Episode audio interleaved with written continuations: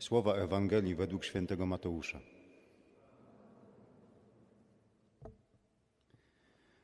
W owym czasie Jezus przemówił tymi słowami.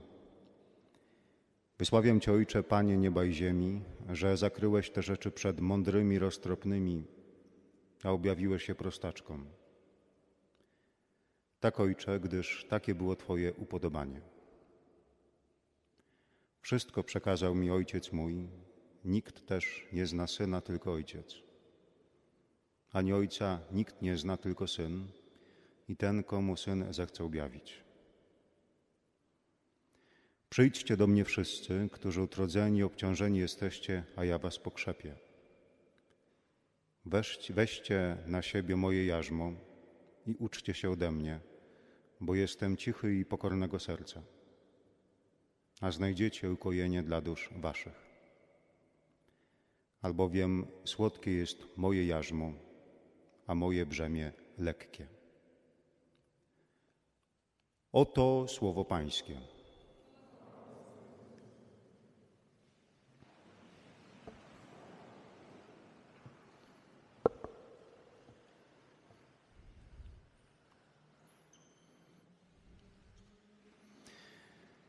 Dzisiaj w pierwszej części Ewangelii podsłuchujemy Jezusową modlitwę do Ojca.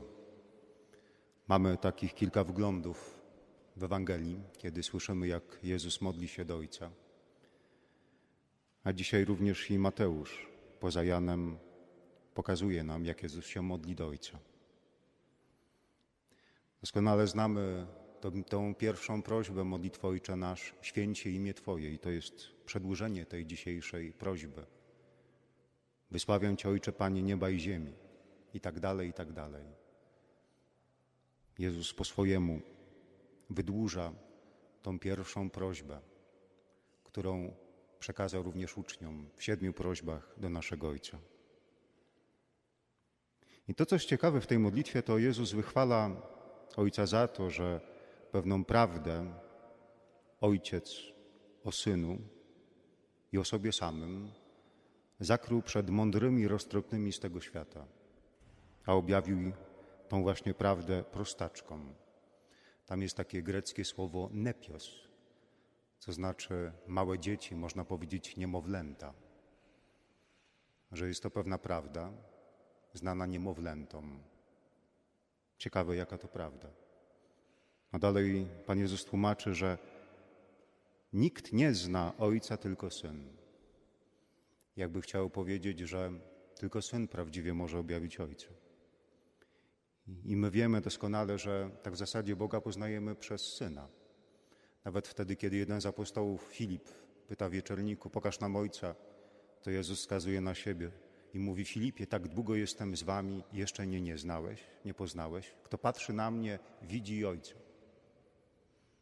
Mamy różne takie wyobrażenia Boga Ojca. Szczególnie towarzyszy nam to wyobrażenie starotestamentalne, że Bóg jest taki surowy, sprawiedliwy. A Jezus mówi nie. Bóg Ojciec jest taki jak ja. Wszystko, co Ojciec chciał przekazać, przekazał przeze mnie, mówi dzisiaj Syn. Jeżeli chcesz szukać obrazu Ojca, patrz na mnie. Tak wygląda właśnie Ojciec. Ale w tym słowie dzisiejszym zdaniem możemy dopatrywać się jeszcze czegoś bardziej piękniejszego, że nikt nie zna Ojca, tylko Syn, że każdy z nas jest synem i córką. I w ten sposób możemy tylko poznać Pana Boga. I w ten sposób znają już Pana Boga owe niemowlęta, nie poprzez mądrość i uczoność z tego świata, tylko Boga poznaje się przez tą szczególną relację z Ojcem.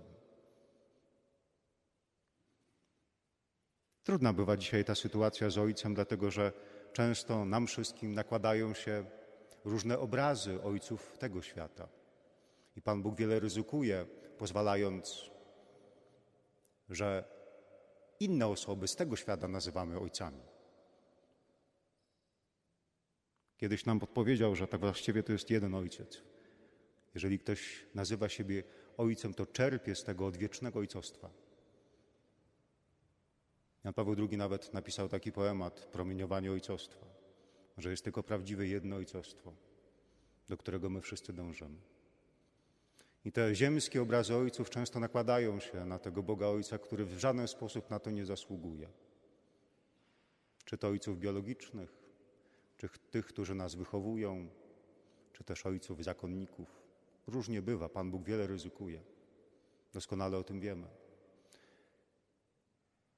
Jedna osoba znana z psychoterapii mówiła, że często właśnie te obrazy tworzą tego Boga okropnego, którego nie chcemy przyjąć, bo mamy takie projekcje ojców tych ziemskich na Ojca Niebieskiego. Nawet chyba powstała taka książka monstrualne obrazy Boga Ojca, przez to, że mamy jakieś załamanie, zakrzywienie obrazu prawdziwego Ojca, a może i ojcostwa dzisiaj w świecie. W każdym razie nikt nie zna Ojca, tylko Syn. I ten tylko, komu Syn zechce objawić. Dzisiaj mamy w Ewangelii. Czyli nie przez mądrość tego świata. Nie przez to, że się nauczymy czegoś o Bogu, tylko przez tą szczególną relację, którą możemy zbudować z Panem Bogiem. Tak możemy Go poznawać. Niesamowita rzecz. Do jakiej relacji zaprasza nas Pan Bóg? O jakiej relacji mówi nam Syn? Mówi o relacji z Ojcem. Cała msza święta od samego początku, gdy rozpoczynamy i gdy kończymy, jest ukierunkowana ku Ojcu. Nie wiem, czy zauważyliście. A tylko dodajemy później przez Chrystusa. Ksiądz we wszystkich modlitwach modli się do Ojca. To jest wielkie wydłużenie modlitwy Ojcze Nasz. Cała msza święta. Wszystko kierujemy ku Ojcu. I nasze śpiewy, i naszą kolektę, i naszą prefację, i naszą modlitwę wiernych, a tym pośrednikiem jest Jego Syn. Wszystko, co tutaj robimy, kierujemy ku Ojcu przez Chrystusa w Duchu Świętym, dlatego że Duch Święty daje nam możliwość wspólnej modlitwy, że nas łączy, jest pewna jedność w Duchu Świętym. I przez Chrystusa kierujemy uwagę ku Ojcu. Liturgia, liturgia ukierunkowana jest ku Ojcu. Jest taka piękna definicja liturgii mszy świętej. Nie wiem, czy sobie przypomnę, ale sens mniej więcej brzmi taki. Chyba ją ułożył papież Pius XII w encyklice Mediator Dei. Mówi, że liturgia to jest kult publiczny, czyli dla ludu, jaki syn oddaje ojcu, przyłączając do tego kultu swoją oblubienicę, czyli Kościół, czyli nas wszystkich. To jest jego aktywność syna ukierunkowana ku ojcu. A więc my jesteśmy w aktywności syna, w jego dziele. On się ofiaruje i przyłącza swoją oblubienicę, czyli nas wszystkich, czyli Kościół. I mówi: Tato, to ona, moja oblubienica. Przyjmij ją. My jesteśmy tutaj w tym kościele. My jesteśmy tak naprawdę kościołem. A te zewnętrzne mury są tak zwanym domus ecclesiae, czyli domem kościoła. Jeżeli szukamy domu, gdzie wspólnota szuka z własnej tożsamości, przechodzimy tutaj, modlimy się, bo wiemy, że tu jest nasz dom, naszego kościoła, naszej wspólnoty. Tutaj modlimy się do naszego Ojca. I Pan Bóg też wie, że nam jest też niełatwo w naszym życiu. Często borykamy się z różnymi pytaniami, trudnościami. Dlatego dzisiaj Pan Jezus mówi, aby się nie poddawać. Mówi tak: weźcie moje jarzmo na siebie i uczcie się ode mnie. Wiecie, co to jest jarzmo? Jakbym tak zapytał, co to jest jarzmo, kto by podniósł rękę. Jarzmo to jest taki taka konstrukcja stelażu czy też drewna, którą zakładano wołom na kark, by mogły iść razem i ciągnąć za sobą pług. Jarzma nie nosi się samemu. Każdy wół musiał być w parze. Jeżeli Jezus mówi, weźcie moje jarzmo, to znaczy, że mamy towarzysza, że On jest jednym z tych wołów. My jesteśmy drugim wołu. I razem idziemy. Razem ciągniemy ten pług, nigdy nie jesteśmy sami. Jeżeli jarzmo się pojawia, to jest tabelka poprzeczna do dyszla, którą nakładano właśnie na, na, na woły, by mogły ciągnąć tą orkę, te pługi, by później ziemia wydawała owoce. Jezus mówi: Dołącz do mnie. Razem ze mną stań w parze, moja oblubienico, ukochana baranka. Stań ze mną, idziemy razem. razem musimy ciągnąć ten pług. Nie jesteś sama, oblubienico, jesteś ze mną. Idziemy do Ojca. I mówi, że to jest słodycz. Mówi, że to jest lekkość, gdy się nosi to z Jezusem.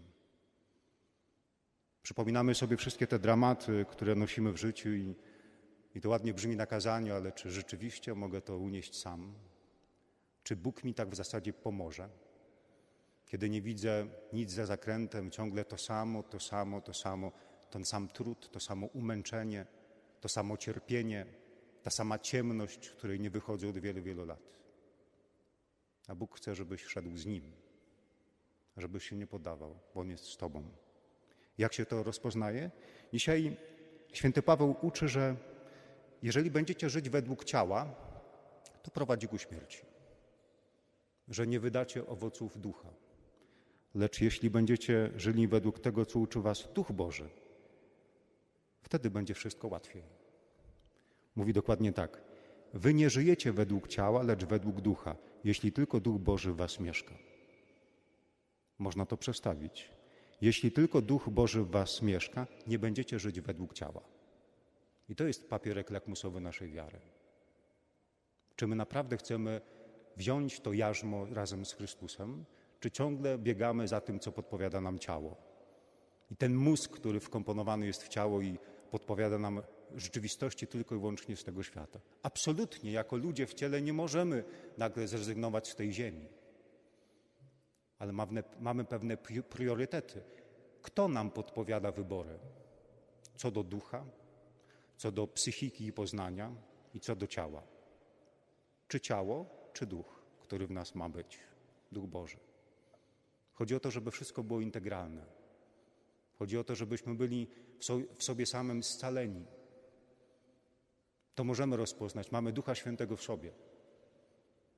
Możemy to wszystko rozpoznać i pójść za Jezusem, żeby zobaczyć, jak słodkie jest to jarzmo, które niesiemy razem z Nim. Że ten pług, który ciągniemy, nie jest tak bardzo trudny, ciężki, że jest pewna słodycz i lekkość. Ale trzeba wejść w pewien eksperyment, pożyć parę miesięcy z Ewangelią na serio, a później zobaczyć, że z tego są owoce, z tego jest pewna rzeczywistość, która niesie radość. Nie możemy zadawalać się półśrodkami. Ewangelia sobie, życie sobie. Przekazania sobie, moje wybory sobie. Nie chodzi o to, żebyśmy żyli w takiej nieustannej schizofrenii duchowej. Chodzi o to, żebyśmy się rzeczywiście pozbierali. Po to słuchamy tej Ewangelii, którą mówi Pan Jezus, abyśmy rzeczywiście Mu uwierzyli. Żeby Duch Święty nas prowadził. Pragnijmy dzisiaj i otwórzmy się na to słodkie jarzmo, które daje nam Pan Jezus. Abyśmy byli tymi, którzy karmią się bezpośrednio od Ojca. Abyśmy byli tymi niemowlętami, które ufają bezpośrednio Ojcu. Nie znają do końca tego świata, ale wiedzą, że to jest Ojciec, że da pokarm, że nas nie zostawi. Niech zawsze liturgia cieszy nas, że stajemy tutaj razem i możemy przez Chrystusa w Duchu Bożym oddawać cześć Ojcu.